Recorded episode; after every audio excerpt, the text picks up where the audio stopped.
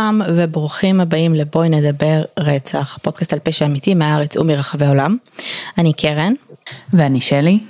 ואנחנו יוצרות והמנחות של הפודקאסט. אז כרגיל תודה רבה למאזינים הוותיקים שחוזרים אלינו בכל שבוע מחדש. ברוכים הבאים למאזינים החדשים, אתם הגעתם לפודקאסט באווירת סלון קזואלית, כשבכל פרק אנחנו אה, בוחרות איזשהו קייס שמעניין אותנו לדבר עליו, וזה בגדול מה שאנחנו עושות. אה, קחו בחשבון שזה פודקאסט על פשע אמיתי, אז ההאזנה היא על אחריותכם מה שנקרא. אנחנו מדברות הרבה פעמים על נושאים שהם לא תמיד קלים לשמיעה, לא לכולם. אה, וזהו, והיום אני מביאה את הקייס. אז הסיפור שלנו היום הוא סיפור אה, על תקווה, אפשר להגיד, או שלא. הוא סיפור שברובו לפחות מתמקד הפעם דווקא בקורבן, אה, וממש מעט בפוגע. כי הסיפור הזה הוא באמת באמת יוצא דופן. אז היום אנחנו מדברות על סטיבן סטיינר. שמעת על הכ... שמעת את השם? לא מוכר לי. אוקיי. אז סטיבן סטיינר גדל, אה, גדל במשפחה עם חמישה אחים בפרברים בעיר בקליפורניה. הוא היה ילד שמח, מנומס, כזה שלא מדבר לפני שמדברים אליו, אה, ושסומך על כלל המבוגרים בחייו מעצם היותם מבוגרים. אה, זה משהו שהוא חזר ואמר הרבה פעמים בראיונות איתו, שהוא פשוט הניח, כי זה מה שלימדו אותו, שמה שמבוגרים אומרים הוא קדוש, ומבוגרים לא משקרים. ואפשר uh, לסמוך עליהם. אז uh, אמו של סטיבן, שהיה בשלב הזה בן שבע, אנחנו כרגע בדצמבר 72. אז היא הייתה אמורה לאסוף אותו מבית הספר, אה, אבל היא התעכבה קצת. זה לא שהיו אוספים אותו תמיד, הבית ספר היה במרחק הליכה מהבית שלו, ולפעמים סטיבן היה גם הולך ברגל לבית או לבית ספר. היא התעכבה וכשהיא מגיעה לבית הספר סטיבן לא שם. היא חוזרת הביתה ומגלים שהוא לא בבית. אמ, המשטרה בעצם הוזעקה כעבור שעתיים משום מה. אמ, שוב, זה קצת מוזר כי כאילו אנחנו יודעים שהוא לא ילד שבדרך כלל היה עושה צרות, הוא לא ילד שהיה הולך בלי להודיע לאן שהוא להורים שלו, אבל... מצד שני, אולי כן. בגלל השנה. זאת אומרת. כן, כאילו אבל אמא שלו מתארת שהם נכנסו ממש לפאניקה כעבור משהו כמו שעתיים שהוא לא חזר והם פונים למשטרה. אמ, המשטרה כמובן מתחילה לחפש, אמ, התקשורת אה, חוגגת על זה, ילד נהדר, בארצות הברית אנחנו יודעים שכן קיימות חטיפות של ילדים, מה זה כן קיימות, כאילו אני אומרת את זה כי בארץ זה פשוט לא כל כך, אה, לא מה שאנחנו יותר מדי מכירים. אה, רגע שנייה, אבל עוד פעם, איזה שנה אנחנו? 72. זאת אומרת אנחנו בשנים שהרבה לפני Amber Alert, נכון. הרבה לפני כל ה... זאת אומרת, כן, ילדים נחטפים, אבל נגיד כל ה milk carton kids וכל הדברים האלה שזה כאילו הפך להיות כזה יותר מוד, במודעות, mm-hmm. זה היה בסוף ה eighties, תחילת ה nineties, אם אני לא טועה, mm-hmm. אז כאילו בשנים האלה דווקא הייתה הרבה יותר תמימות לגבי אה, ילדים בארצות הברית. כן, אבל בסוף יש לך ילד בן שבע שהוא, לא היה שום שלב שמישהו חשב, לא ההורים שלו ולא המשטרה, שהוא ברח מהבית. Mm-hmm. Mm-hmm. שוב, זו הייתה משפחה סופר נורמטיבית, כאילו הורים, mm-hmm. חמישה ילדים, לא היה שם איזה, הם היו מעמד הביניים, הם לא היו איזה משפחה כזאת שאת אומרת, אה, כל הילדים כל הזמן בצרות. Mm-hmm. והוא נעלם, והמשטרה לא יודעת בעצם אה, מה לעשות, וכך עובר הזמן. אימא שלו מספרת שבמשך שנתיים בערך היא לא הייתה יוצאת מהבית מבלי שיש מישהו בבית במקומה. זאת אומרת שאם היא רוצה ללכת למקום, כל הזמן ציפו שהוא יתקשר. וואו, אמ, כאילו, עד, זאת אומרת עד לאמירה הזאת בעצם לא אמרת כמה זמן הוא נהדר. כן. אה, אבל עכשיו את מתארת בעצם שהוא נחטף והוא נהדר לאורך של שנים. נכון. אה, נכון. ובמהלך השנתיים הראשונות, זאת אומרת, הם כל הזמן חיכו שהוא כל רגע צץ, וכל יום בחיים שלהם סבב סביב זה. נכון. קשוח ממש. אה, תראי, לא רק בשנתיים הראשונות, בסוף עברו עוד שנים. עד שבעצם אנחנו mm-hmm. מגלים מה קרה לסטיבן, אבל הוא באמת, באמת הם היו ממש ממש כאילו הייתה שם הרבה מאוד תקווה שהוא כן יחזור ושכן בעצם אה, אה, זה ייגמר איך שאנחנו יודעים שאמבר אלרט וכל הדברים האלה שקרו אחרי אנחנו יודעים ש-24 שעות ראשונות הכי קריטיות וסביר להניח שאם הוא נחטף ילדים גם בדרך כלל הרבה פעמים זה באמת פדופילים. והסיכוי שימצאו אותם בחיים הם, הוא לא גבוה בלשון המעטה אה, וההורים שלו בשלב מסוים כבר ציפו כאילו למצוא גופה אבל כאילו הם נורא רצו שפשוט יהיה איזשהו closure לסיפור הזה. אמ, בשלב מסוים היה הרבה באמת חגיגה תקשורתית, הרבה אנשים התקשרו לטיפ ליינס, אה, בשלב מסוים מישהו אה, לקח אחריות על הרצח שלו. אה, ואמר קברתי אותו כאן וכאן ואחרי שבעצם השוטרים סרקו את כל המקום ולא מצאו את הגופה שלו אז הוא אמר שהוא טען, הוא כאילו טען שההור, שהוא הרגיש שההורים שלו צריכים סגירת מעגל והוא ניסה לעזור להם.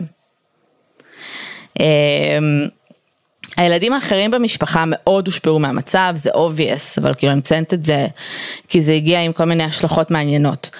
אמ, לאח הגדול, ש... כאילו, על האח הגדול שלו, שהוא היה באמת האח הבכור, אה, קרי היה קשוח במיוחד.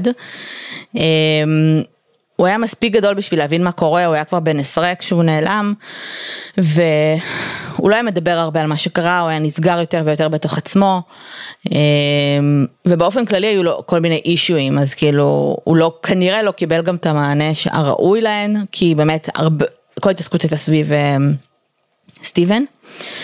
אמ, אגב זה גם קורה, ב, אנחנו מכירים את זה גם ברמה הנורמטיבית, משפחות שיש בהן נגיד סתם ילד עם מוגבלות או ילד שחולה במחלה שדורש התייחסות אינטנסיבית, הילדים הנורמליים במרכאות נדחקים קצת הצידה כי הם צריכים לתת מקום לאירוע הזה והצרכים הבסיסיים שלהם נהנים פחות. עכשיו, הם הופכים להיות כאילו במרכאות פחות חשובים. אה, זה כמובן לא אומר שום דבר על ההורים, כן? כאילו, היום יש הרבה יותר מודעות של רגע לתת מקום לילדים אחרים במשפחה, אם יש איזשהו אירוע טראומטי. אה, אבל ב... אני חושבת שבהיעלמות כאילו של ילד, אז א', יש הרבה רגשות אשם, ואני מזכירה גם שהוא לא מת, כאילו, עם כל זה שיש להם תקווה, היא גם יכולה להיות מאוד מאוד הרסנית, הם כל הזמן חיים בצל של הדבר הזה. אז אה, במשפחה שלהם ספציפית, האב הוא זה שהיה ממש מרוסק רגשית ולא תפקד, והאם סוג של נכנסה לתפקיד אה, החזקה והחזיקה את הבית, כאילו האבא היה נהיה אובססיבי, הוא היה מסתובב ומחפש קברים, הוא היה מחפש את הגופה שלו, הוא היה רואה פתאום מכונית חשודה, סתם מכונית, כאילו חשודה, היה מתחיל לעקוב אחריה, הוא היה מאוד מאוד עם פתיל קצר עם הילדים, אה, שזה, ששוב, זה לא שזה היה ככה לפני, כאילו היה שם מערכת יחסים מאוד מאוד טובה, נגיד, אז נגיד קרי הזה שהיה מאוד מחובר לאבא שלו, הרגיש שהוא כבר לא אוהב אותו ושאין לו כל כך מקום. אמ, והם חיו ככה המון המון שנים באי ודאות מאוד מאוד גדולה. אז, אז בואו רגע נדבר על מה קרה לסטיבן. אז סטיבן היה בדרכו הביתה מבית הספר, כשבעצם איש עצר לידו, עצר עם רכב, ושאל אותו אם הוא רוצה לתרום אם הוא חושב שהוא רוצה לתרום או שאימא שלו תרצה לתרום אה, לכנסייה. והוא אמר לו שאימא שלו כנראה באמת תרצה לתרום, ואותו איש שהיה עם עוד מישהו ברכב, הציע לו טרמפ הביתה. אה, עוד מישהו הזה כאילו הציג את עצמו ככומר. הם uh, לקחו אותו ברכב, התחילו לנסוע, בשלב מסוים עובר זמן, הם עוברים כבר את הבית שלו, סטיבן מתחיל לשאול כאילו מה קורה, הוא מתחיל להבין שאולי משהו לא בסדר, ואז הם אומרים לו, uh, הכל בסדר, דיברנו עם ההורים שלך והם אמרו לנו שזה סבבה שתישן אצלנו היום. כמו שאמרנו, סטיבן מאמין למבוגרים, אז הוא לא חשב שזה בהחלט מוזר, הוא לא בהכרח רצה לנסוע איתם, כי שני אנשים זרים, אבל הוא כזה אוקיי.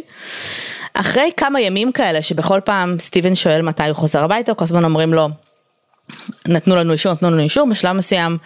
אמ, הבחור שבעצם האיש שחטף אותו, יש עוד כמה חבר'ה שהם מעורבים שכאילו אה, סוג של עזרו לו, אבל המיין קרקטר שלנו שקוראים לו קנט, אה, אומר לו תקשיב אנחנו היינו בבית משפט וקיבלנו עליך חזקה ועכשיו אתה הבן שלי וההורים שלך לא רוצים אותך יותר ואין, יש לך ארבעה אחים אז הם מעדיפים לגדל אותם ואתה בעצם אה, תישאר לגור איתי, והוא התחיל כזה סוג של להכריח אותו לקרוא לו אבא, כאילו מהשבוע השני כבר של חטיפה. אמ, עכשיו אנחנו יודעים שאיש בוגר לא לוקח ילד סתם, אז סטיב באמת עם הזמן התחיל לסבול מתעללות מינית על בסיס יומיומי. אה, הוא נכתב באמת על ידי פדופיל, פדופיל אה, שבעבר כבר הורשע על אה, אונס של ילד, פדופיל שמעדיף ילדים ספציפית בגילאים של סטיבן, והם עברו לגור בקומפצ'ה. זה משהו כמו 400 קילומטרים ממקום החטיפה. אני לא יודעת איך לקרוא לזה אפילו, זה כאילו לא עיר, זה מין עיירה, יישוב קהילתי. נכון ל-2020 היו שם 167 תושבים, כאילו זה מקום סופר מבודד. אמ, התושבים, יש שם בית ספר, כן, אבל כאילו יש שם כזה חבורת ילדים שמסתובבים ביחד, כי זה כל הילדים שיש שם. כן. אמ, אבל הם נורא כאילו... מבודדים. הם לא רואים נגיד כאילו... חדשות, הם לא, הם לא היו רואים נגיד פוסטרים של סטיבן וכאלה, mm-hmm. שהוא נחטף. זה אמ, נשמע כאילו כל כך קטן, כאילו 160, זה, זה כזה, את יודעת, כאילו, ארבעה, חמישה משפחות, כאילו זה, כן. זה, זה ממש ממש פיצי. הם היו איפים כאלה, כאילו הם נחשבו כזה לקהילה כזאת ש... את יודעת, אמ, עכשיו, עזבי, עזבי חדשות וטלוויזיה, אנחנו גם מדברים על שנת 72, כן? זה לא שכאילו הפרצוף שלו מרוח בכל מקום וזה היה נורא קל. אז הוא לא באמת החזיק אותו באיזשהו מרתף, כאילו, סטיבן אה, נהיה... מה זה סאבמיסיב? הוא כאילו כזה קיבל את הגזרה שההורים שלו לא רוצים אותו, הוא מאוד רצה לחזור הביתה. אמ, אבל הוא ידע שכאילו אסור לו להגיד מה השם האמיתי שלו, הוא התחיל לקרוא לו דניס, וזה היה השם שלו, הוא היה הולך לבית ספר, הוא היה מסתובב עם חברים, והוא בעצם חי שם. בשלב מסוים, אה, ממש בהתחלה, כשהוא רק היה חטוף ממש בחודשים הראשונים, הוא כן מנסה לברוח. הוא יוצא מהבית, זאת אומרת קנט עובד, בסדר? זה לא שהוא כאילו כל הזמן שם, והוא לא נועל אותו בשום שלב. הוא בורח מהבית, אבל כשהוא יוצא הוא מאוד נבהל מהמקום החדש שהוא נמצא בו, אין לו מושג איפה הוא, הוא לא יודע למי לפנות.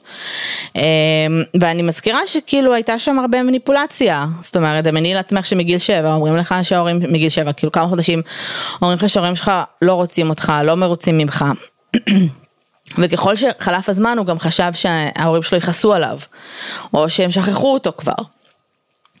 אה, והוא חשש שאם הוא באמת יצליח לברוח, והוא סביר להניח שהוא יגיע לאיזשהו מוסד אה, לנערים, כאילו שהגורל שלו יהיה אפילו גרוע יותר. אז אה, החיים שלו כדניס, אמ, החברים שלו בבית ספר אה, תיארו אותו כילד מאוד שקט וביישן, הוא היה ילד מוזנח פיזית, אמ, היו לו אולי איזה שלוש זוגות מכנסיים, הוא היה נראה מלוכלך. היה כזה ידוע שדניס לא מזמין אנשים לבית שלו אה, וכולם פשוט הניחו שהוא מתבייש באבא שלו כי קנט גם נתפס כמוזר בהתנהלות שלו. ולא סופר אה, אינטראקטיבי עם האנשים, למרות שזו קהילה מאוד סגורה והם דווקא מאוד מאוד כזה אה, מכירים אחד את השני. הייתה לו באמת חבורת ילדים שהוא היה מסתובב איתה וגדל איתם. היום הילדים האלה אגב, אה, וגם המורים שלו בבית ספר שגם דיברו, אוכלים את עצמם, כאילו מרגשות אשם כמובן. אבל כאילו, אפשר להגיד הרבה דברים בדיעבד. כמה זמן הוא היה שם? אז זהו, הם היו שם כמה שנים ראשונות ובשלב מסוים באמת קנט מעביר אותם למקום אחר, כי סטיבן באמת נהיה סופר מעורב שם בקהילה וזה קצת כנראה מתחיל להלחיץ אותו. אה, הוא גם מעביר לאיזה עיר קטנטונת בקליפורניה, שגם נכון ל-20 ל-20 היו שם איזה 500 תושבים. עיירות מאוד מאוד קטנות פיציות כאלה. יום אחד, כעבור שבע שנים, אה, סטיבן כרגע כבר בן 14, Oh הוא חוזר הביתה מבית הספר ומוצא בבית שלו ילד נוסף. טימי בן החמש. קנט אומר לו שכרגע, אה, שזה אח שלו החדש. וואו. אה, ממה שאני הבנתי, הוא, סטיבן לא, לא דיבר על זה יותר מדי, אבל ממה שאני הבנתי, בשלב מסוים אני מניחה שההתעללות המינית פסקה, או נהייתה הרבה פחות אדירה, כי פדופילים יש להם סוג מסוים שהם אוהבים, וסטיבן כבר גדל, והוא היה כבר ילד גדול. אומרת, אולי לצורך הדיוק, אה, זה לא שפדופילים באופן כללי mm-hmm. יש להם סוג מסוים, אלא פרפיליות באופן נכון. כללי הם בדרך כלל ספציפיות. ספציפיות, בדיוק. והפיליה הספציפית של אה, קנט הייתה כנראה לטווח גילאים מסוים, ובאיזשהו שלב סטיבן נהיה גדול מבוגר מדי. מבוגר מדי, גדול מדי, בדיוק.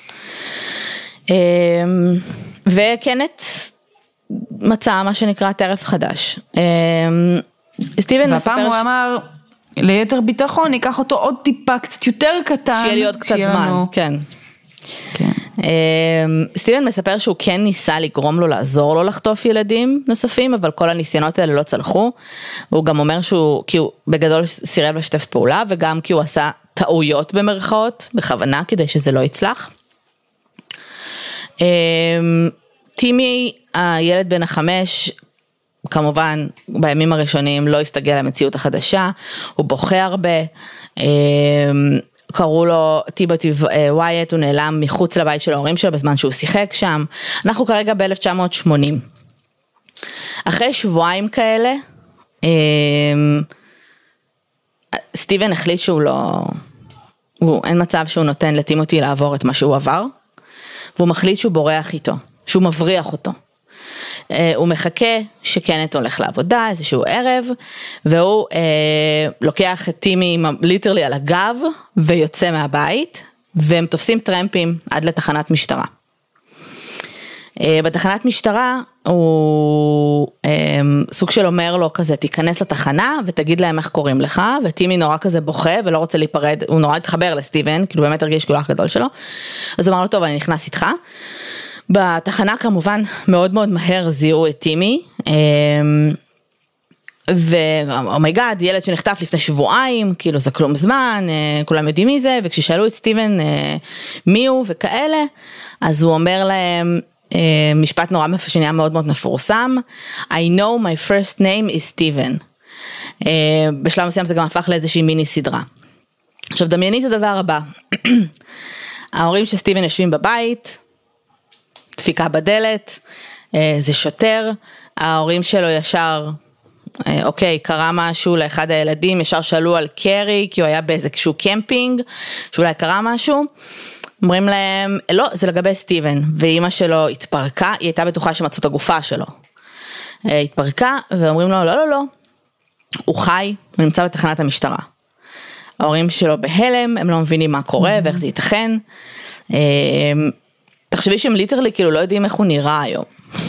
כן, זה, זה, זה ברמת, כאילו, יש לי צמרמורת רק לדמיין את זה, באמת, כאילו, הסצנריו הזה של, של כאילו, היה לכם ילד בן שבע שנעלם mm-hmm. במשך שנים, וכנראה עד היום בצורה מסוימת, אתם חיים תחת הענן הזה, אה, די מניחים שהוא מת, כן. ואם לא, אז ש... כאילו, הוא לא, הוא לא אותו הילד שהכרתם ככל הנראה. נכון. ופתאום הוא צץ. אז הם כמובן רוצים לרוץ לתחנת משטרה, אומרים להם לא, לא, לא, הוא בחקירה, אנחנו צריכים קודם כל שישאר בחקירה, אנחנו נביא אותו אליכם. Uh, הדבר הזה הפך לחגיגה תקשורתית משוגעת, יש מלא סרטונים אונליין, כאילו זה כמו החזרה של שליט, ברמה של ממש צילמו את החיבוק הראשון שלו עם אבא שלו. מלא עיתונאים מסביב, מלא בלאגן. באמצע הרחוב סטיבן מגיע, אבא שלו מחבק אותו, הם מתחבקים, הוא היה overwhelmed ברמות, כאילו הוא אומר להם, אני בבקשה רוצה להיות לבד עם המשפחה שלי, הוא לא יודע איך לעכל את הסיטואציה בכלל. יום אחרי הוא כבר היה בראיונות אה, בתקשורת, כשזה כבר אחרי שהוא היה בחקירות במשטרה. אה, ובא לך פשוט, כשאת רואה את הצילומים האלה, בא לך פשוט לחבק את הילד הזה ולשחרר אותו, כאילו מהשיט הזה. אני מזכירה שהוא עבר התעללות, כאילו זה לא שהוא כזה היה איפשהו והם כזה, הם מתראים כן. והוא חזר והכל קול, כן?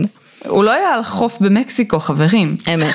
עם זאת, כשהוא נחקר במשטרה הוא מספר על קנט, שואלים אותו אם הוא עבר התעללות מינית והוא אומר שלא.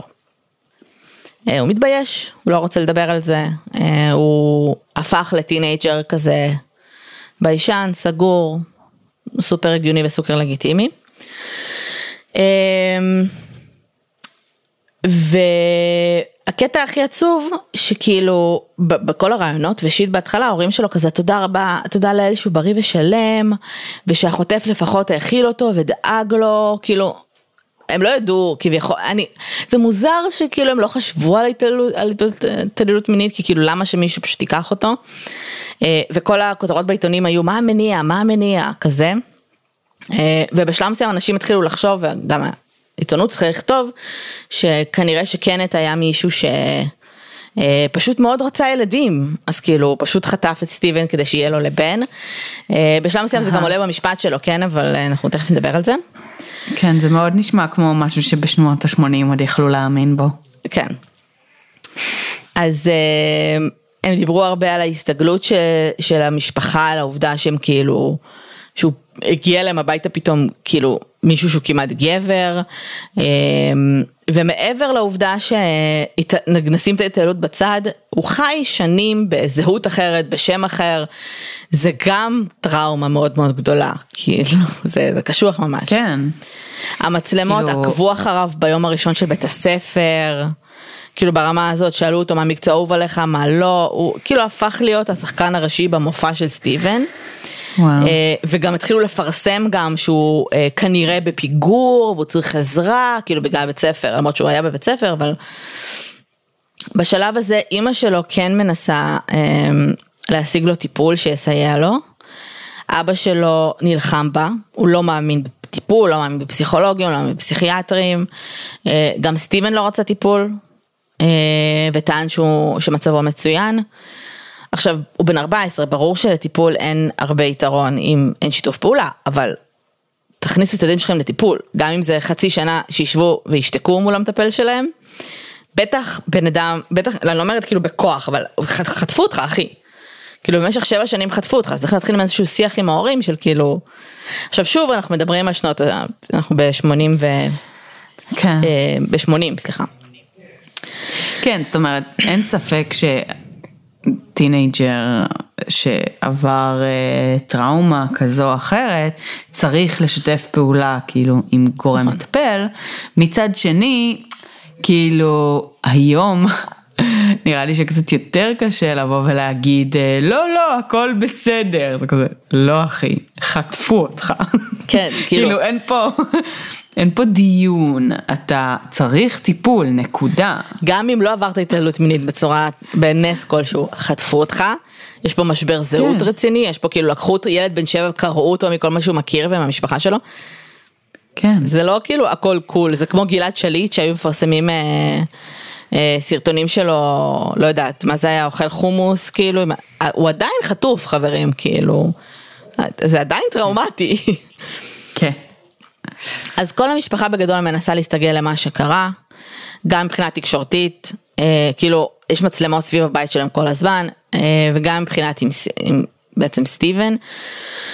אה, מעבר לעובדה שזה נס שהוא חזר וכולם דיברו על זה, סטיבן הצטייר אה, בצדק רב, כן? כגיבור, אוקיי? הוא הציל את טימי, הוא, אה, תמונות של שניהם היו מרוחות בכל העיתונים, אה, מתחבקים כזה, טימי אז מה זה חמוד, כאילו ראיינו אותו ושאלו אותו, אה, והוא כזה אמר שסטיבן הוא החבר הכי טוב שלו, וכאילו, הוא באמת, הוא סופר חמוד, ילד בן חמש.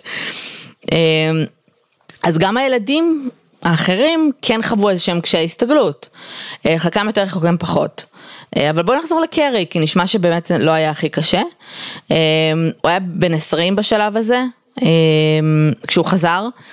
והיה לו מאוד מאוד קשה עם ההתייחסות של התקשורת לסטיבן, היה לו מאוד קשה עם התקשורת, הוא היה סופר מופנם והוא לא אהב את הדברים האלה, יש אפילו אה, סרטון שלו עומד כזה מאחורה כשסטיבן מדבר, כי הם כולם היו צריכים לעמוד, כאילו כל המשפחה המושלמת, כאילו לעמוד בכל מיני רעיונות, ובשלב מסוים הוא פשוט כאילו הולך, כאילו רואים שפשוט he had enough. אה, הוא גם ברעיונות אחר כך אומר שזה התפוצץ מעבר לפרופורציות, שהמילה גיבור מוגזמת, כי סטיבן עשה את מה שכל אדם נורמלי היה צריך לעשות במצב כזה. שומעים שהוא גם, היה שם הרבה קנאה והוא הרגיש שהוא מוזנח. אמ, אבל כן ראו שהוא כאילו מאוד שמח לראות את סטיבן, כאילו מאוד שמח שבסוף חזר הביתה. אז בזמן שכל זה קורה יש כמובן כתב אישום שצריך להגיש והנרטיב של התקשורת כמו שאמרנו זה שקנט חטף אה, את הילדים כי הוא רצה אה, בנים והם חיו אצלו וזהו. אמ, אבל כחלק מהחקירה, כשבעצם עושים פשיטה על הבית שלו, מוצאים תמונות עירום, גם של ילדים אחרים, אבל גם של סטיבן, אה, ומאמתים אותו עם זה, וסטיבן כאילו סוג של כזה מודה, הוא לא מוכן לפרט, הוא לא מוכן לדבר על זה יותר מדי, הוא כן כזה מדבר קצת בחקירות, מכריחים אותו לתת עדות במשפט. ורואים שהוא ממש כאילו לא בעניין, וכששואלים אותו על התעללות מינית הוא כזה עונה כזה כן בצורה מאוד כזה מאוד כזה כי מכריחים אותו לענות על זה והוא לא מוכן לדבר על זה. אמ, אז אה, קנט בעצם נשפט פעמיים, היו שני משפטים, המשפט הראשון היה על קייס של טימי, שזה בעצם היה חטיפה, הוא קיבל שבע שנים. אמ, ובגלל חוק ההתיישנות הוא לא נשפט על התעלות מינית בסטיבן, אבל הוא כן נשפט על חטיפה שלו, והוא קיבל גם שם שבע שנים. עם זאת, לא הבנתי עד הסוף למה, וחיפשתי.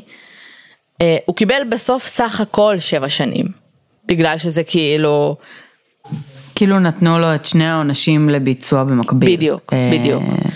אה, ש... שבשלב מסוים, בגלל הקייס הזה אגב, שינו את החוק בקליפורניה לגבי זה. אה, הוא השתחרר אחרי חמש. זה קצת הזיה, זה קצת הזיה שכאילו חוק ההתיישנות חל בקייס שהוא סוג של כאילו ongoing, זאת אומרת, החטיפה והתקיפה המינית והזה, זה כאילו היה אירוע שארך כן. שנים, וכאילו, וכשהאירוע הזה הסתיים, זאת אומרת, כאילו, סטיבן הגיע למשטרה, אז שני האירועים האלה הסתיימו, וכאילו, זה די הזיה, כן. אני לא יודעת איך החוק היום, ואני יודעת שהיו הרבה adjustments לאורך ה... כמה עשורים האחרונים, אז כאילו אני מניחה שהוא לא זהה למה שהוא היה בשנות ה-80, אבל אני, אין לי ספק שגם, את יודעת, אה, באותם שנים כנראה שזה עורר גם הרבה מאוד כעס ציבורי, נכון. העניין הזה של חוק ההתיישנות על מקרה ש...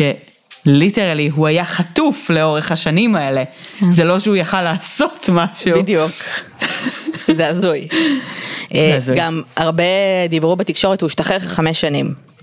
והרבה אנשים דיברו כזה, אנחנו לא מאמינים שהוא קיבל כאילו עונש, שהוא ישב... הוא היה פחות זמן. בדיוק, מהזמן שהוא, שסטיבן היה חטוף. שהוא כאילו. חטף אותו, וואו. כן. אאוץ'. עכשיו כמה מילים על קנט. קנט נולד ב-31, משמע כשהוא חטף את סטיבן הוא היה בן 41. והמשפט עצמו היה ב-81, הוא היה בן 50 ואז הוא השתחרר כשהוא היה בן 55. אמ, הוא נעצר שוב בינואר 2003, בעודו בן fucking 71, אחרי שהוא ניסה לקנות ילד בן ארבע. אה, וואו. יותר נכון הוא ניסה כאילו לשכנע מישהי שהוא מכיר שתקנה עבורו ילד ב-500 דולר.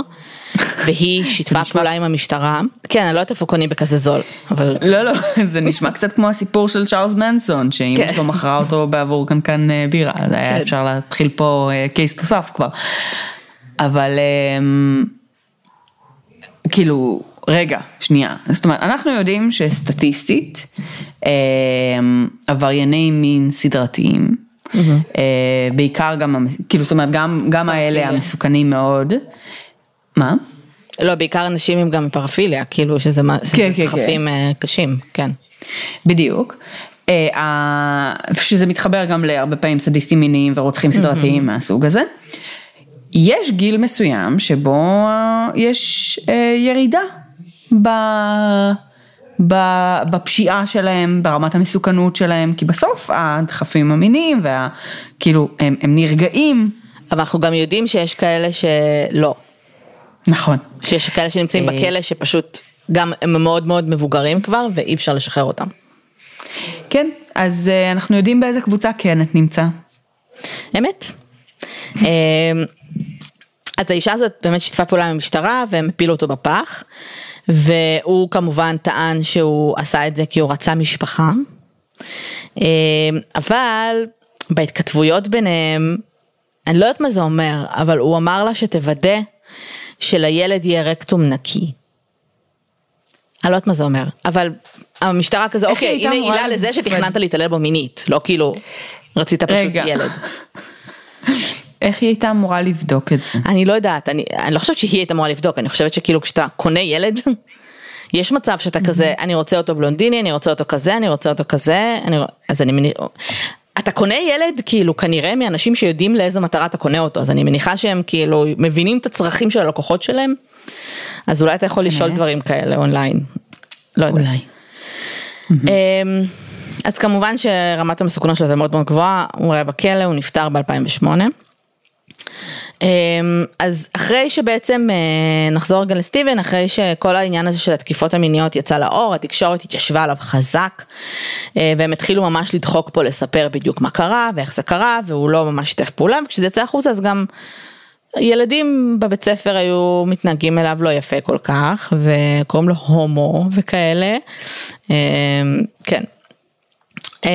וסטיבן התחיל קצת להידרדר, התחיל לשתות, לעשן, לעשות סמים, התנהג בצורה מתירנית מאוד מבחינה מינית, היה שוכב עם המון המון בחורות, הוא יפיוף, כאילו, היו מלא בחורות שבאמת רצו להיות איתו, הוא כאילו, הוא היה בחור מאוד מאוד יפה.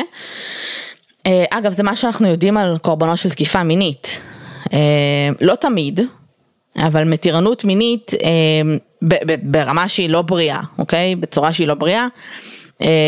זה משהו שכן יכול לאפיין לפעמים נפגעות ונפגעי תקיפה מינית. Mm-hmm.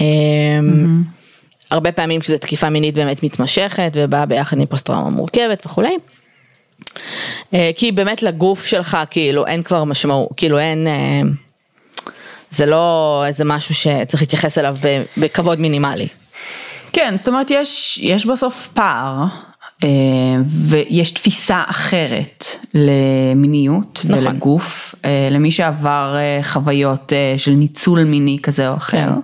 ובדיוק כמו שאנשים אחרים הפכו את הגוף שלהם לחפץ וכאילו, אז, אז גם הם ברמה מסוימת לומדים להשתמש בו ככלי לפעמים. נכון. שיכול לשרת עבורם צרכים אחרים. אז כן. אז בשלב מסוים בעודו בן 19 הוא פוגש אה, בחורה בשם ג'ודי, אה, היא בת 16, הם מתאהבים, הם מתחתנים, הם מביאים ילדים נורא מהר, אה, וכשהוא בשנות ה-20 המאוד מוקדמות שלו כבר יש לו שני ילדים, אשלי וסטיבן ג'וניור. לכל הדעות, גם מפי אשתו, גם מפני הילדים שלו, היה בעל ואב נהדר. אמ, הוא היה עובד כזה בקצבייה ובכל מיני עבודות כאלה, כאילו עובד בשביל לפרנס את הבית. אמ, הילדים מאוד מאוד אהבו אותו, הוא ואשתו היו ביחסים מצוינים. ובאיזשהו שלב פונים אליו מהוליווד והם מחליטים באמת לעשות איזושהי סדרה עלילתית על הקייס שלו, שיקראו לה I know my first name is Steven, הוא מסכים, בעיקר בגלל הפן הכלכלי, למרות שאחר כך הוא גם מדבר והוא אומר, ככל שאני מספר את הסיפור הזה יותר, אז כאילו אני מרגיש שזה כן עוזר לי, כאילו להוציא את הדברים האלה החוצה. אה, הוא בן 23 בשלב הזה, הוא היה אה, מעבר לזה שהוא עבד, הוא התחיל אה, תהליך באקדמיה לשוטרים, הוא רצה להיות שוטר, שזה גם דברים שהרבה פעמים, לפעמים מאפיינים, אתה יכול ללכת לשני לא, לא. כיוונים אם אתה נפגע עבירה, אתה יכול ללכת לכיוון שאתה mm-hmm. פשוט חוזר על, על מה שהתוקף עשה לך, אתה יכול ללכת לכיוון של להיות מישהו במדים שיכול לעצור את זה. או איפשהו כן, באמצע, כן? זה גם נורא מרגש כי כילד אה, הוא היה לו אמון מאוד גדול במערכת, נכון. במבוגרים ובכל מיני כאלה. ואז, זאת אומרת, מבוגר מסוים הפר את האמון הזה, אבל עדיין היה לו אמ, אמון במבוגרים אחרים. ואז כאילו נכון. הוא היה המציל של טימי, mm-hmm. בידי זה שהוא הלך למשטרה, והמשטרה נכון. באמת הוציאו אותם משם, זאת אומרת, הם עשו את מה שהם היו אמורים לעשות. נכון. אז כאילו העובדה שהוא באמת חזר אחר כך לשם זה ממש מקסים. זה מרגש, כן, ממש. אמ, ובשלב מסוים שזה קריפי אבל אוקיי הוא אפילו שיחק אה, כסוג של ניצב הוא שיחק שוטר בסדרה הזאת. שוטר כזה שמחזיק okay. אוקיי. את השחקן שהוא כאילו סטיבן ומנסה כזה להרחיק את העיתונאים. אה, ממש ראו כזה אה, את הקטעים מהסדרה זה, זה עושה צמרמורת וזה קריפי ממש. Mm-hmm. הוא כן אמר שהוא תופס את הסרט כסרט והדברים שקרו לו בעבר נשארו בעבר. הוא היה קצת מנותק, הוא היה קצת בהדחקה. אם היינו יכולים פשוט להדחיק הם, הכל ולחיות את החיים שלנו ככה מעולה, הדחקה היא מנגנון הגנה, בסדר? זה המוח מגן עלינו וזה בסדר, אנחנו חייבים, אגב, ביומיום שלנו להדחיק מלא דברים כדי לשרוד. החל מהמוות של עצמנו, ועד לילדים שמתים מרעב בקצה השני של העולם, כאילו אנחנו לא יושבים וחושבים על זה כל היום, אחרת אנחנו לא מצליחים לתפקד. אה, או העובדה שאנחנו הולכים למות, אז האם יש משמעות בכלל למשהו שאנחנו עושים בחיים האלה. אה, אבל יש דברים שאי אפשר להדחיק לזמן מאוד מאוד ארוך, והדברים האלה פשוט ינזלו ממקומות אחרים, יבוא לידי ביטוי בצורה אחרת. שסטיבן זה כנראה באמת בא לידי ביטוי בשנים המוקדמות שלו, שהוא היה עושה סמים והוא הגיע למצבים שהוא הגיע אליהם. אמ, וכשהסדרה בעצם יצאה לאור, שוב הזרקור חזר אה, על הקייס, אה, בדגש על העניין המיני וכל מה שהוא עבר ושוב טריגרים. סדרה הייתה סופר מפורסמת, אנשים מאוד התלהבו ממנה, מאוד אהבו אותה, והיא הייתה אפילו מועמדת לטקס פרס האמי. ערב לפני הטקס, ב-16 בספטמבר 1989, אה, סטיבן חוזר הביתה מהעבודה. על האופנוע שלו ונכנס בו אה, רכב בתאונת פגע וברח. הוא מת במקום. כן. אה, יש, כל מי שמכיר אותו טוען שהוא פשוט חזר מהעבודה, יש כל מיני מקורות אחרים שטוענים שהוא נהג באופנוע הזה ללא רישיון, והוא היה קצת שתוי גם. זה לא נשמע כל כך, אה, לא יודעת, יכול להיות, אבל בוא נגיד שזה לא, מישהו לא עבר באור אדום ונכנס בו, בסדר? כן, זהו, זה לא נשמע כאילו, את יודעת, אה, אני אסכן את עצמי עד לרמה שאני מנסה להתאבד, כאילו זה לא, זה, אנחנו, אנחנו לא בסקאלה הזאת. נשמע שלא. נשמע כמו ממש ממש ממש bad luck. כן.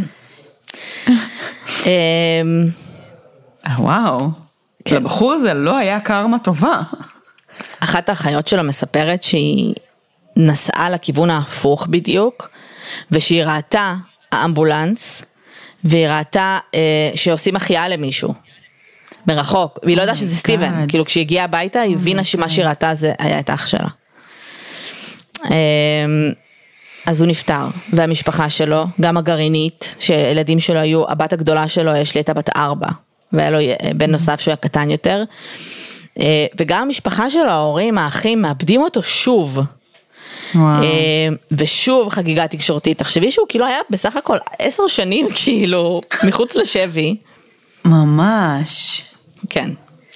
אה, אבל הוא תמיד תמיד תמיד היה בעצם ייזכר בתור אה, מי ש... הגיבור, בסדר? מישהו שבאמת הציל את אה, טימי, וטימי קצת הציל אותו, כי אם הוא לא היה אה, מגיע, יכול להיות שהוא היה פשוט נשאר שם, אם הוא לא היה באמת חוטף אותו. טימי, היו איזה 500 אנשים שהשתתפו בלוויה שלו, טימי היה שם, אה, גם, גם טימי מת אגב. ממשהו רפואי, הוא היה נשוי עם, עם שני ילדים, הוא מת ב-2010, גם צעיר, uh-huh. בן 30 ומשהו. וזה בגדול הסיפור של סטיבן. עכשיו בוא נקפוץ שנייה לסיפור קצת אחר, אוקיי? אוקיי. 1999. אנחנו, אה, סטיבן מת ב-1989, אוקיי? 1999, שלוש בחורות צעירות, בנות עשרה, נעלמות מעיר שקרובה לעיר שבה הכל התרחש. אנחנו מדברות על עשור אחרי, כולם מזדעזעים מההיעלמות, זה כמובן נמצא בכל אתרי החדשות, הם נעלמו מאיזושהי אכסניה שהם התארחו בה, הן שלושתן הכירו אחת השנייה. די מהר, שתיים מתוך אותן אה, בחורות, כמה ימים אחרי, נמצאות במכונית חרוכה, שתי גופות כמובן, ואחרי זה ה-FBI, שכבר, שהתחילו לעבוד על הקייס, מקבלים פתק אה, כתוב בכתב יד, שכתוב עליו אה, We enjoyed that one, ויש שם מפה שמצוירת אה, שמובילה לקורבן השלישי. שהייתה בעצם זרוקה באיזשהו נחל ממש קרוב לבית שלה, הראש שלה נערף ונראה שהיא גם עבדה, עברה, עברה התעלות מינית. המשטרה מבצעת מספר מעצרים, בעיקר של אנשים עם עבר פלילי, והם לא מצליחים בעצם למצוא מישהו מספיק אה, רלוונטי. אבל יש כמה עדים שטוענים שראו איזשהו רכב מאוד ספציפי נוסע ליד הנחל הזה כמה פעמים, כמה ערבים לפני. והרכב הזה בעצם היה שייך לאיש תחזוקה שעבד באותה אכסניה שבה התארחו הבנות, הוא גם היה גר, כזה סוג של מעל האכסניה. את רוצה לנחש איך קוראים לו? איך קוראים לאיש? Mm-hmm. ש... קוראים לו קרי סטיינר. זוכרת את okay. קרי? Mm-hmm. Mm-hmm. אז הוא נעצר, והוא מודה ממש מהר, יש עוד רצח שהוא מודה בו, ובגדול רצח ארבעה אנשים. אוקיי. Okay. אמ, עם שחזור מפורט, יש גם סרטונים של השחזור שלו, של מה הוא עשה ואיך הוא עשה, הייתה שם גם התעלות מינית וגם רצח מאוד מאוד ברוטלי.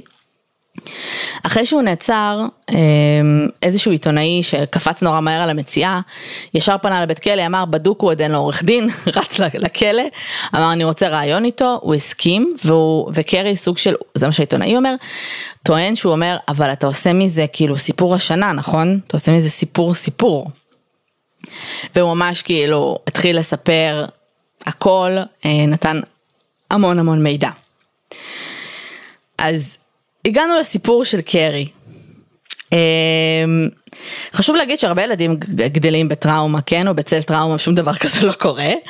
אמ, הוא לא תוצאה ישירה רק של טראומה, אנחנו כמובן יודעים שיש המון המון אה, ילדים שמשגשגים אחר כך, יש המון גורמים שמשפיעים על זה, אז כמובן שהיו פקטורים נוספים. אז דברים שלא ידענו על קרי, כשהוא היה ילד, כשהוא היה בן שלוש, הוא אובחן לראשונה עם טריכוטילומניה.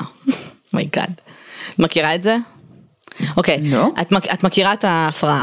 זו הפרעה נפשית שבה אה, אה, ילדים אה, או מבוגרים אה, מרגישים את הצורך הבלתי נשלט למרוט לעצמם שערות.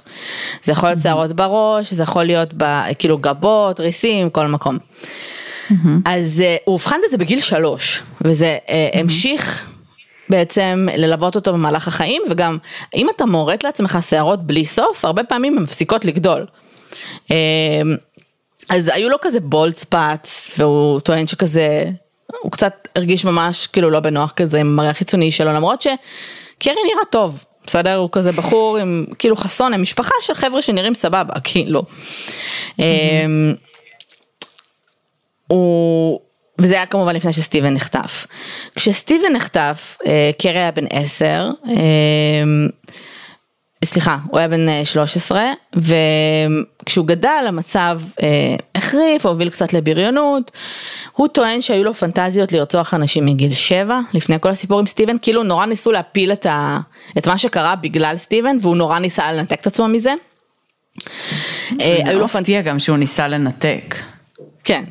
היו לו פנטזיות על מין אלים, בתיכון הוא הצטיין, הוא היה מחונן, אבל אחרי התיכון הוא לא באמת התרומר, מצא את עצמו בעבודות בינוניות. ב-1995 הוא ניסה להתאבד, והוא נשלח למוסד פסיכיאטרי, זה 1995 זה כאילו אחרי שסטיבן כבר מת, כן?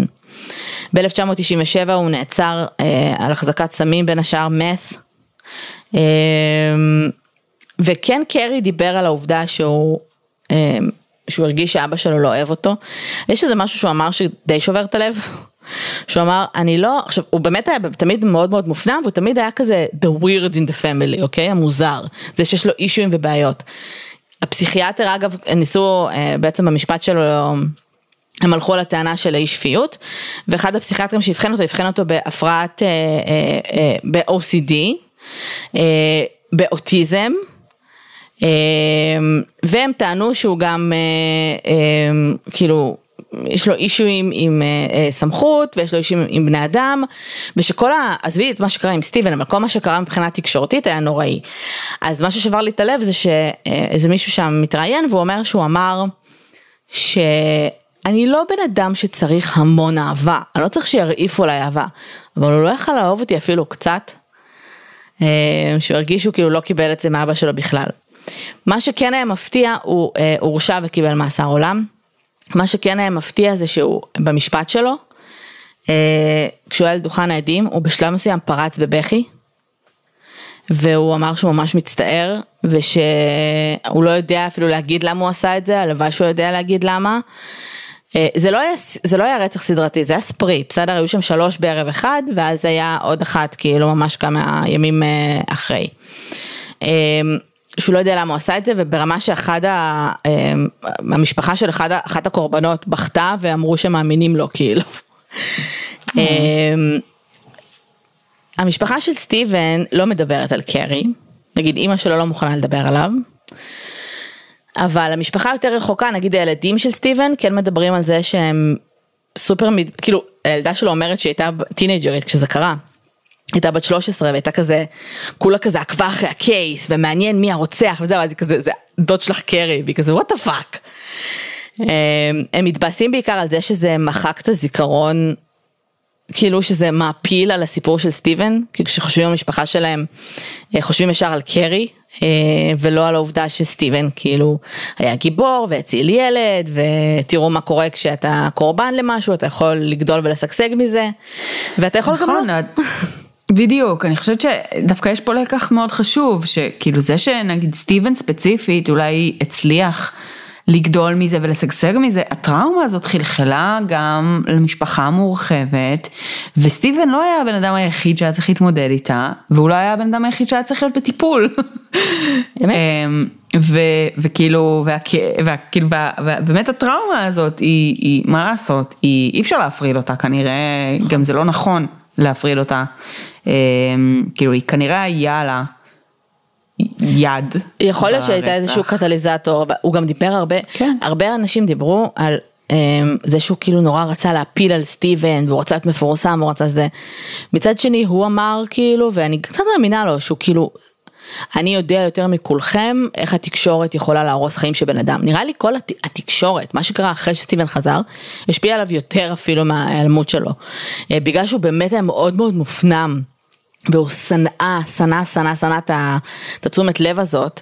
אמ, היה לו מאוד מאוד קשה. ושוב, אנחנו מדברים על, על רציחות שקרו עשור אחרי, כן? וברור שהיו שם דברים שכנראה אה, היו שם מאז ומתמיד, וזה לא רק זה, אבל כאילו אני תוהה אם סטיבן לא היה נחטף, אם האישויים האלה היו עולים יותר מוקדם והיה אפשר לטפל בהם יותר, כאילו היה להם יותר משאבים רגע להתמקד בקרי ולעזור לו. אמ, אולי. כי אחרי זה כשמדברים, כן מדברים על העובדה שתמיד קרן נתפס המוזר. ההוא שאולי יש לו בעיות נפשיות, ההוא שאולי מתקשה עם כל מיני דברים. והטיפול בו כנראה קצת נפל בין הכיסאות. כן. סיפור פסיכי. ממש, כן. וחכי, אני כאילו, יש לי שאלות לא פתורות עדיין. את יכולה שתקשיבי, כל אחד הרי יש לו גם מלא מלא זה, קרי נגיד, כאילו, יש מלא, לא, לא, לא נכנסתי אפילו לעומק הקורה אצלו, וגם קנט לא נכנסתי לעומק הקורה אצלו, אז כאילו, יש פה מלא שחקנים ראשיים. א', כן, ב', אני זוכרת, איפשהו לפני אה, כמה זמן זה היה? 47 דקות. נו. אה, סיפרת על, על החטיפה של סטיבן. כן. סבבה? היו שם עוד אנשים. אה, נכון. לא התמקדתי בהם, אז בגדול okay, אוקיי, הוא היה, היו... היה שם איזה בחור שהוא היה קורא לו דוד, בסדר? Uh-huh. שהוא טען שהוא לא ידע ש... שזה חטיפה, אני לא יודעת איך הוא טען את זה, אבל אוקיי. כאילו, לא, סליחה. הבחור שהיה דוד הוא היה כאילו בחור מבוגר שהיה פשוט בא כל הזמן לקנט, הוא טען שהוא לא ידע שהוא סטיבן נחטף, הוא חשב שהוא אימץ אותו או משהו, ושהוא לא ידע על התעללות המינית, הוא כן קיבל כלא של כמה שנים בודדות, והיה בחור צעיר okay. אוקיי. יותר שהיה בגדול עוזר לו לחטוף ילדים ברבים, למרות שאנחנו, אין לנו עדויות לזה שיש עוד ילדים שהוא חטף, אני מניחה שהוא פשוט ניסה. Mm-hmm. והוא טען גם שכאילו היה brain washed וכל מיני כאלה, הם שניהם קיבלו כזה כלום זמן בכלא. ו... טוב, גם, גם קנט קיבל כלום, אבל... אה, כן. אוקיי. כן, עוד שאלות? רגע, נמס לי המוח, שנייה. וואט, אה, הקייס הזה מורכב. אה, טוב, תשמעי, אין לי מה להגיד. אני, אני, אני כן רוצה להגיד ש... כשיש טראומה משמעותית במשפחה, אה, אז אה, המשפחה בכללותה כנראה צריכה להתמודד עם זה. ואם יש, אה, את יודעת, דיברת קודם על נגיד משפחות שיש, לא יודעת, ילד עם צרכים מיוחדים, או כל מיני כאלה, וזה מאוד נורמלי ש... אה, פתאום הוא יקבל פחות תשומת לב, כאילו ילדים אחרים יקבלו פחות תשומת לב, כי הוא צריך פחות באותו רגע או משהו כזה, וכאילו, מאשר ילד אחר.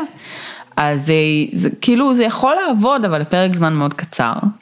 שאגב, בסוף, זה, כאילו... את, לא, את לא צריכה ללכת אפילו רחוק לצרכים מיוחדים או, או מחלה או דברים שהם יותר קיצוניים, גם ילדים שהם ילדים נקרא לזה מופרעים, בסדר? Mm-hmm. שהרבה פעמים תופסים הרבה מתשומת הלב של ההורים נכון. שלהם, הילדים הטובים במרכאות נדחקים נכון. הצידה והם מפחדים גם לא להיות טובים אגב בשלב מסוים, נכון. כי יש משהו מאוד גדול ממך קורה ואתה לא רוצה לתפוס את המקום הזה וגם זה יוצר אישויים לאורך זמן, כן? כאילו, mm-hmm. זהו. לגמרי. אמ, לגמרי וגם יש פה בסוף איזשהו, זאת אומרת יש פה איזשהו סייקל גם של כזה, של, אמ, של reinforcement כזה, של תגמול, של בעצם רגע, אני הילד הטוב שלא עושה בעיות, אני מקבל פחות תשומת לב, אני מקבל פחות uh, משאבים, אני בסוף, כאילו, אני לא מקבל תגמול על זה שאני בעצם ילד, ילד טוב, טוב, זה יכול לעודד התנהגות פחות תקינה, יותר מופרעת, פחות כאילו רצויה, כי אז אני כן אקבל תשומת לב, אז אני כן אקבל תגמול על התנהגות שלילית. אה, אז כאילו יש פה הרבה סייקלים שיכולים אה, באמת להיות מעורבים בדברים כאלה. או גם כמו, כמו שאת אומרת, גם איזושהי רמה של פחד, של כאילו זה, כאילו איזה לחץ מאוד מאוד גדול to perform, כי כאילו, כי צריך לפנות את ההורים להתעסק ב... בילד היותר בעייתי, ואז אין מקום בעצם לבן אדם מסוים להיות עצמו, אה, ללמוד, לעשות טעויות, אה, נכון. כאילו, וזה כאילו יכול לפתח כיוונים של הימנעות, ואלוהים יודע מה בצד השני של זה. נכון. בקיצור, אה, מסקנתנו, ייקחו את הילדים שלכם לטיפול. שוב, גם, גם טיפול זה לא, אתם יודעים, פתרון קסם, כן? כאילו... כן. לפעמים יש דברים שלא בשליטה שלנו, אבל בואו ננסה כאילו. אמ, ושוב, אני לא שופטת אף אחד, בסוף כאילו מדובר פה במשפחה עם חמישה ילדים, כאילו אחד נחטף, זה קשוח כל מה שהם עברו. השני היה לו אה, הפרעה קשה מגיל שלוש, כן. כאילו, בואי. כן, זה נשמע קשוח לכל הדעות, אבא שלו מאמין בפסיכולוגים, כאילו, כן. בעיה. כן. אמ, אז כן, אז אנחנו היום, אה, יש לנו בגדול שני... אה, אה, שניים במחיר אחד.